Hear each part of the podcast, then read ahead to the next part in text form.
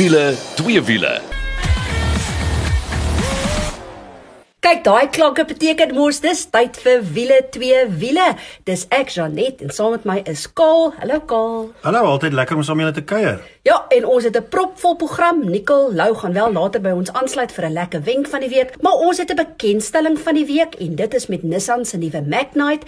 Dan gaan ons bietjie terugvoer gee oor die CEO Wheelchair Challenge. Onthou jy dit? Kyk, ons is hier mos by wiele enige wiele, maar hierdie wiele maak 'n verskil, né, Kaal? Ja nee, sonder twyfel, dis altyd lekker om uh, te hoor dat mense nog omgee. Verseker, so ons gaan met Delane Gray gesels. Hy's die hoofuitvoerende beampte van SPS Holdings. Dan het ons 'n lekker wenk van die week ook. Raak jy ook frustreerd in die winter wanneer jou vensters so opwasem? Wel, Nicole gaan vir ons sê wat om te doen daaroor. En dan vir twee wiele kaal. Ja, ons het vir Johan van Tonder, 'n uh, ou vriend van ons en hier by wiele twee wiele ook, wat so 'n bietjie met 'n paar BMW's gaan rondrit sit. Nou ja, maar kom ons spring nou sommer weg. Uh, die bekendstelling van die week soos Janet gesê het was die nuwe Magnite van Nissan. Nou moet ek vir jou sê ons het so tyd terug gepraat oor Kia se Sonet wat ook bekend gestel is. So ehm um, ja, Brendan van Marula Media het ons gaan verteenwoordig en dit gaan lekker wees om 'n bietjie te hoor hoe hy die kar ervaar het. Hallo Brendan, lekker om weer met jou te gesels. Hey Colin Janet, dis lekker om weer bietjie met julle te gesels. So Brendan, ons het nou nog 'n B segment sportnuts om van te kies. Ja, hierdie B sportnuts segment is besig om uit sy nate uit te bars. Daar was klomp nuwe modelle in 'n baie kort tyd. Kia se kleintjie wat hulle nou bekend gestel het. So ja, hierdie segment vat oor by die ou klein B lykerig. Jy weet dink Polo en Fiesta en daai karre. Hierdie B sportnuts is Dis basies 'n klein lykerig wat bietjie opgepomp is, groter grondvryhoogte. Almal wil mos of hoog sit of daai grondpad kan ry wat bitter min van ons in elk geval doen. En mense is onder die indruk dat hierdie B-sport net se beter deur slaggate en goed kan ry. Ek is nie heeltemal oortuig nie, maar jy weet die hele bedryf, die hele wêreld, die hele mark skuif in daai rigting. Hoorie maar wat ek wil weet is van wat nuwe B-sportnuts praat ons nou oor? Vandag praat ons oor Nissan se splinter nuwe Magnite. So die Magnite is soos ons nou reeds gesê het 'n klein B-segment sportnuts, 5 sitplek, 'n redelike klein kattebakke 1 liter 3 silinder turbo engine, ons 'n handrat en 'n outomatiese model beskikbaar. In 'n neutedop is dit dan die Nissan Magnite. Nou Brendan, vertel ons so 'n bietjie oor die ontwerp van die Nissan Magnite. Nissan Magnite, baie mooi ontwerp, is regtig 'n oulike klein, sê hy kom uit Nissan en Renault se fabriek in Indië of deel van daai alliansie. So die Nissan, Renault en Mitsubishi vorm almal 'n alliansie. Hierdie Magnite kom uit daai fabriek uit. Baie netjies ontwerp, soos ons gesê het, 'n 3-silinder turbo petrol engine onder die kap daai 3-silinder turbo petrol engine hy bied 74 kW en 160 Nm wrinkrag op die handrat en dan is daar 'n CVT of 'n pulwisseltransmissie. Daai pulwisseltransmissie is die newtonmeters klein bietjie minder op 152 newtons Die kraglewering is heeltemal in die kol. Ons het op die bekendstellingsroete het ons 'n stukkie teer gery in die dorp, jy weet Menlyn Mine area in Pretoria en toe is ons 'n stukkie uit op die snelweg. Die karretjie ry dood dollies. Vering is lekker soepel, groot hobbels en gestryk hy lekker plat. Daar was 'n rukwind net een keer wat ons bietjie van koers afgeruk het. So ek is nie seker hoe hy hom sou gedra in die Kaapse winde nie en in die suidooster, maar hy bo in die plateau rand is hy heeltemal in die kol. Ja, nee, kyk, jy moet nogal jou storie ken in die Kaapse Suidooster, hoor. Maar kom ons klim gou binne in die Magnite. Hoe lyk die binneruim?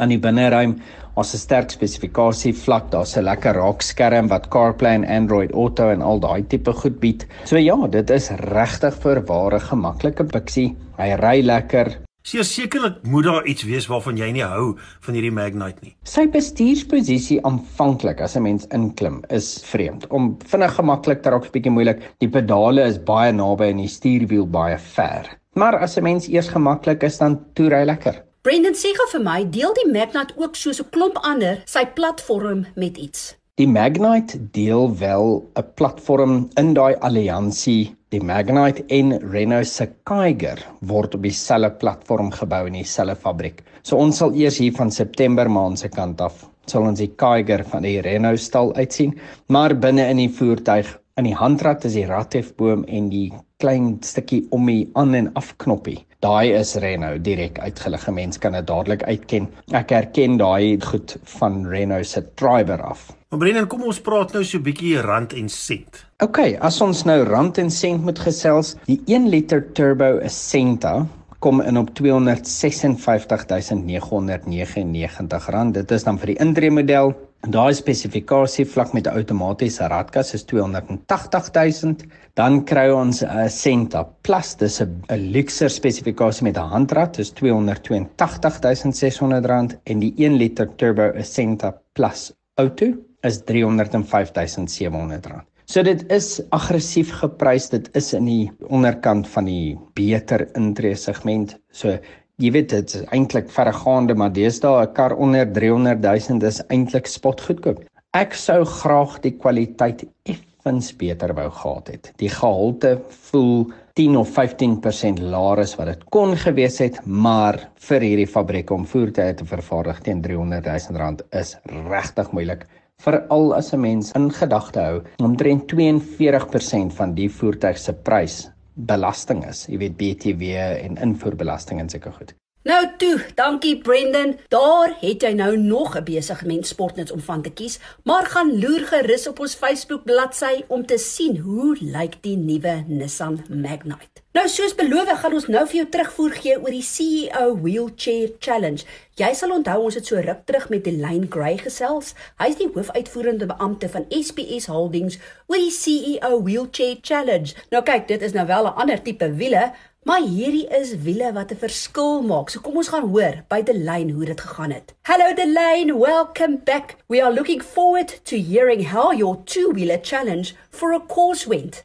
Good morning, and thank you for having me back to update the listeners with you today. Adeline, a few months back, you came uh, onto the show to tell us about how you had been challenged by Little Eden to take part in the fourth annual CEO Wheelchair Challenge and what your goals were for the day. Please update us. How did it go? When I was challenged by Little Eden to participate, I jumped at the opportunity to be part of such a great initiative. I think you know that. What I did not realize at the time of accepting the challenge, though, was how physically and emotionally drained, and yet personally driven and grateful and challenged I would feel at the end of a 14 hour stint in a wheelchair. As you know, I'm no stranger to two wheelers, and I've done several overland trips around South Africa, and I've also motorbiked through the US. But a challenge like this was at a very different level, let me tell you. Hats off for you, Delane. It could not have been easy. But tell us about how SPS took the challenge to a new level. I committed to spend a day in a wheelchair and went off to site meetings. I had a breakfast meeting. I also needed assistance getting in and out of our buildings where they're not all wheelchair friendly. But I got quite skilled and uh, I had amazing help from a friend, Doug Hendricks, who's a double amputee. And he helped me in climbing up steps and getting around and in and out of vehicles. But uh, we as a business also went several steps further to build for better. And we committed wholeheartedly by engaging with friends and clients and suppliers, our entire network. And uh, we rallied up donations. Another thing that we did is we also got loan wheelchairs and allowed some of the staff at our Durban office also to get involved and feel what it's all about. Furthermore, something that I must share is my team in the production facility turned our factory into an impressive basketball court and we moved things around for a wheelchair basketball match. And that day we had a competitive game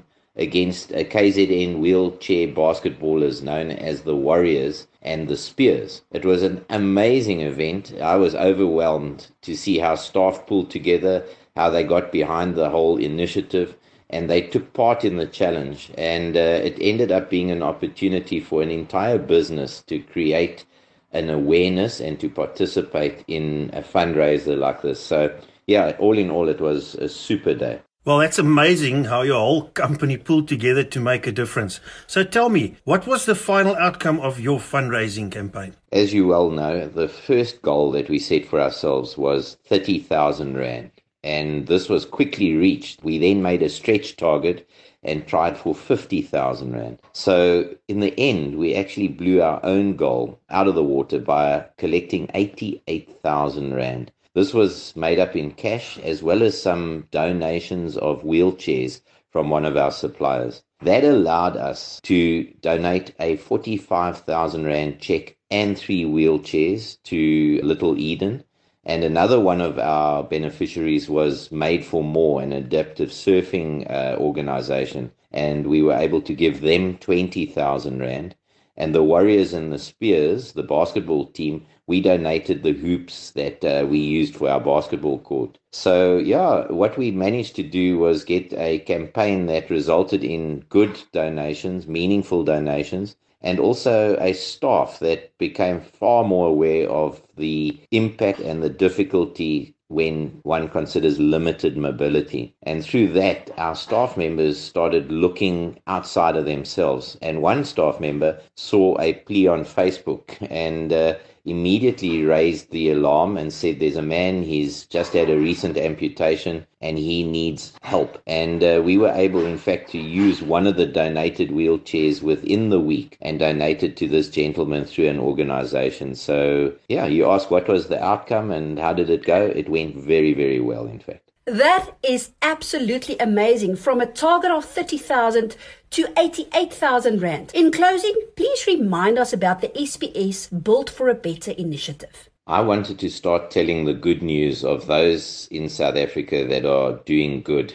and inspiring a positive movement. Doing what you can where you are with what you have is basically how I live and what I wanted to share. So the SPS Build for Better initiative is essentially a voice for organizations and or individuals that need support. We use our profile and our platform to promote their good work, their needs, and in that we create an awareness for these people and we give them a hope that businesses and individuals will reach out and support them. So, yeah, Build for Better initiative is really just a platform to be a voice for those that are doing good in our country. Thank you, Delane. This has been great feedback. It's been a pleasure, and I just say thank you to you and to Villa Villa for having me again. Nou sien, jy kan ook 'n verskil maak met wiele, al is dit dan rolstoele. Ons gaan nou eers bietjie asem skep en dan ons terug met 'n lekker wenk van die week en ook twee wiele. Ja, voor ons gaan asem skep, moenie vergeet nie as jy enige behoefte het as dit kom by jou voertuig se uitlaatstelsel, gemaak 'n draai by Powerflow Belwel. Ons sal jou uithelp en jou sommer blits vinnig weer op die pad kry of dit nou 'n katalisator is wat geblok is, miskien 'n liggie wat aan is op jou instrumentepaneel of jy dalk net so 'n bietjie wil geraas maak en weer wil jonk voel. Kom maak 'n draai by ons en ons sal een van ons hoë kwaliteit vlekvrye staal stelsels vir jou bou. En dit is so maklik soos www.powerflowbelwel.co.za. As jy nou net ingeskakel het, dit is wiele twee wiele en nou is dit tyd vir ons wenk van die week. Ja, dis weer wintertyd en as jy ook daai frustrasie het van daai kondensasie wat op jou venster is vir al daai vooruit as jy so vroegoggende die pad werk toe aandurf, dan wonder jy seker wat ons kan doen en Nicole Lou gaan vir ons so 'n bietjie raad gee daaroor. Hallo Nicole, deel asseblief bietjie jou wysheid met ons. Ja, en Nicole, die eerste ding wat ek wil weet is, hoekom gebeur dit dat hierdie water vorm aan die binnekant van jou ruit? Net ja, die wasem of waterdamp wat aan die binnekant van jou ruit vorm nou vroeg in die wintersoggende wanneer dit so koud is, kan natuurlik vir jou 'n groot veiligheidsrisiko inhou want 'n mens kan nie mooi sien waar jy ry nie. Maar kom ons praat net gou 'n bietjie, hoekom vorm daai druppeltjies teen die ruit in die eerste plek? Nou die groot rede hoekom dit gebeur is dat koue lug nie regtig waterdamp kan absorbeer of vashou nie. Mens sien ook die verskynsel as mens byvoorbeeld 'n koeldrankbotteltjie of 'n bierbotteltjie uit die yskas uithaal en los hom in kamertemperatuur, dan vorm daar baie gou druppeltjies aan die buitekant van daai glas. En dieselfde gebeur dan nou in die venster van jou voertuig wat jy natuurlik nou ry, dis baie koud daai um, warm lug wat jy uitasem en daai lug binnekant kom dan in kontak met die koue glas en daai waterdamp van gasfase af gaan dan nou in vloeistoffase oor en dis dan die druppeltjies wat dan dan vorm. Maar sê nou vir my, wat is die beste manier om ontslae te raak van hierdie kondensasie? So kaal, die beste wat jy kan doen is eerstens het jy droë lug nodig. Droë lug gaan natuurlik vir jou baie help om daai waterdamp van ontslae te raak. So, hoe kry jy droë lug in jou kar? Jy skakel die lugreëling aan. Dit klink wel teenstrydig om nou op 'n koue wintersoggend die lugreëling aan te sit, maar dit is regtig 'n baie effektiewe manier om daai waterdamp te verwyder. Saam met dit moet jy dan ook die temperatuur van die lug wat inkom op die hoogste verstelling stel, want warm lug kan baie makliker waterdamp absorbeer. So die droë lug plus die hitte op die lug gaan dan maak dat daai waterdamp in 'n ommesientjie gaan verdwyn. Nou kyk, ek moet erken, ek self het nou 'n ding of twee geleer, maar Nicole, wat doen 'n mens as jou kar nie lugreëling het nie? Toe net ja, as jou kar nou nie lugreëling het nie, dan gaan jy verseker meer sukkel as wat jy lugreëling sou gehad het, maar wat jy kan doen is stel onmiddellik die temperatuur op die warmste verstelling moontlik. Soos ek sê, uh, warm lug kan daai waterdamp beter absorbeer en dan sou ek sê draai 'n vensters net so effentjies af dat jy van die buitelug inkry want kyk, jy wasem ook mos nou jou asem het ook baie waterdamp in en jy wil eintlik maar van die vars lug van buite af inkry en nie net jou eie wasem heeltyd uitasem nie. So ja, stel die verstelling op die warmste lig en maak hy venster so effentjies oop en dit behoort vir jou te help. Daar's natuurlik heelwat ander boere rade soos jy moet 'n aartappel smeer teen die binnekant van jou venster of ander produkte, maar op die einde van die dag is lugreëling is jou vriend en warm lug wat inkom. Daai twee saam gaan daai waterdamp of wasem die vinnigste moontlik van jou ruit af verwyder. Ja, altyd interessant. Baie dankie daarvoor Nikkel. Ek dink daar's baie mense wat nou so bly is om vir soveel jare om hom sukkel. Ja, nou is dit tyd vir twee wiele en ja, soos ons vroeër gesê het, Johan van Tonder van Ultimate Drive het vir ons die bekendstelling gaan bywoon en dit was met BMW se 1250 reeks. En ek moet vir jou sê, ehm um, hy het dit ontsettend baie geniet. Hallo Johan en welkom by Wiele twee wiele. Hallo Karl, hallo Janet en uh, hallo luisteraars. So Johan, vertel eers vir ons, waar het die media bekendstelling plaasgevind? Man, die media bekendstelling het plaasgevind in die Suid-Kaap, George en Klinker omgewing. En uh ek is mal daaroor as verskillende uh, fabrikate media bekendstellings het in daai area want um, die area leen hom net absoluut tot so iets met al sy verskeidenheid paaie en hotelle en passe en roetes en dan natuurlik is ek van die area. So ek hoef nie ek hoef nie so intoe te vlieg nie. Ja nee, kyk, jy bly beslis in een van die mooiste gedeeltes van ons land, maar so van mooi paaie en dinge gepraat. Vertel ons bietjie van die roetes wat jy gery het. Jong, die bekendstelling het mos nou BMW se 1250 reeks ehm um, gedek wat insluit die RT wat 'n uh, padtoerfiets is, maar dan natuurlik ook uh, BMW se gewilde GS en GS Adventure. So uh, ons het uh, in Oubaai huis gegaan en uh, ek het die oggend sommer eers die die padfiets gevat, die RT en ons is van uh, van Oubaai Heraldsbaai se rigting af, uh, is ons deur Hartenbos toe en toe lekker met uh, Robertson Pas oor nadat ons eers 'n uh, bietjie koffie gedrink het by Uitbels. Is ons 'n uh, Robertson Pas oor uh, meer as een keer moet ek sê vir 'n paar uh, fotogeleenthede en sommer net vir die lekker speel en daarna is ons tot in Oudtshoorn waar ons middagete geëet het. En toe het ek uh, die GS en die GSA bestyg en daarvan af het ons met die oude Moragie pad gery. Daar van naby die grotte af rigting die Rust of Duiselsdorp en um, in Duiselsdorp weer 'n bietjie foto's geneem en so. Uh, ek was eers op die GS en toe op die GS Adventure wat natuurlik 'n groter fiets is. En daarvan af het ons daar verby die Kamanassi dam en deur Paardepoort so deur Montetjie pas oor is, is ons terug na George toe. Maar ek moet vir jou sê dit het so 'n bietjie gereën in die area en uh ja, uh, 'n uh, groot fiets soos die GS Adventure en ek is self maar nie 'n klein ouetjie nie. So dis 'n klomp gewig op daai paaie wat glad glad glad was. Ehm um, ons moet ons storie ken.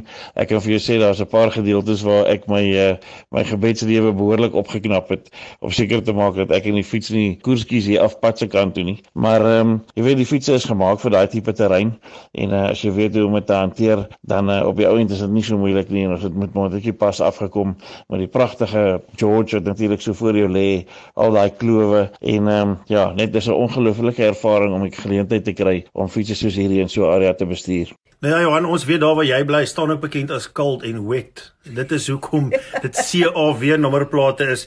Jy het gesê jou gebedslewe het so 'n bietjie versterk en opgetel want uh, ek hoor die paaie was maar baie glad. Maar Johan sê nou eers vir ons, wat is nuut op die nuwe BMW 1250 reeks? Jong, vir die nuwe BMW fietsse is die RT eintlik die een wat nuut is. Dit is 'n 'n heel nuwe fiets. Hy lyk heeltemal anders van voor af. Uh, ek moet sê nogal 'n um, 'n pragtige fiets as jy hom so kyk en uh, hierdie fiets het dan ook die die 1250 uh engine soos ek gesê het met die sogenaamde shift cam of 'n uh, skywende nokkas in mooi Afrikaans wat die engine 'n spesifieke karakter gee. Dit is amper soos toe ons jonk was in die dae van die two-stroke 50s. Weet as jy uh, as jy die versneller oopmaak, dan is daar baie krag, maar dan is dit amper asof hy so tweede asem kry en so tweede lewe kry en dan as daai nokkas eers geskuif het en 'n ekstra krag kom deur, dan is dit soos 'n power bank wat jou absoluut net vorentoe druk. Um, en jy weet hierdie is maar 'n motorfiets, so hy weeg nie veel nie en 'n 100 kW engine. So mense kan nou dink hoe dinamies so fiets ry maar dan het hulle nou 'n klomp ekstra tegnologie in hierdie fiets gesit. Ag goed soos LED voorligte uh, wat self kan domp. Hulle het 'n klomp uh, nuwe rymodusse bygesit waarvan Eco een is. Dan het hulle van hulle ander rymodusse verfyn. Jy kry byvoorbeeld nou Dynamic en Dynamic Pro. Daar's hulpmiddels uh, soos Hill Start Control wat hulle verder verfyn het met Hill Start Control Pro. Die ABS kry jy nou ABS Pro. Ehm um, hierdie fiets is nou basically al 'n uh, professioneel met al hierdie pros en goed wat jy bykry.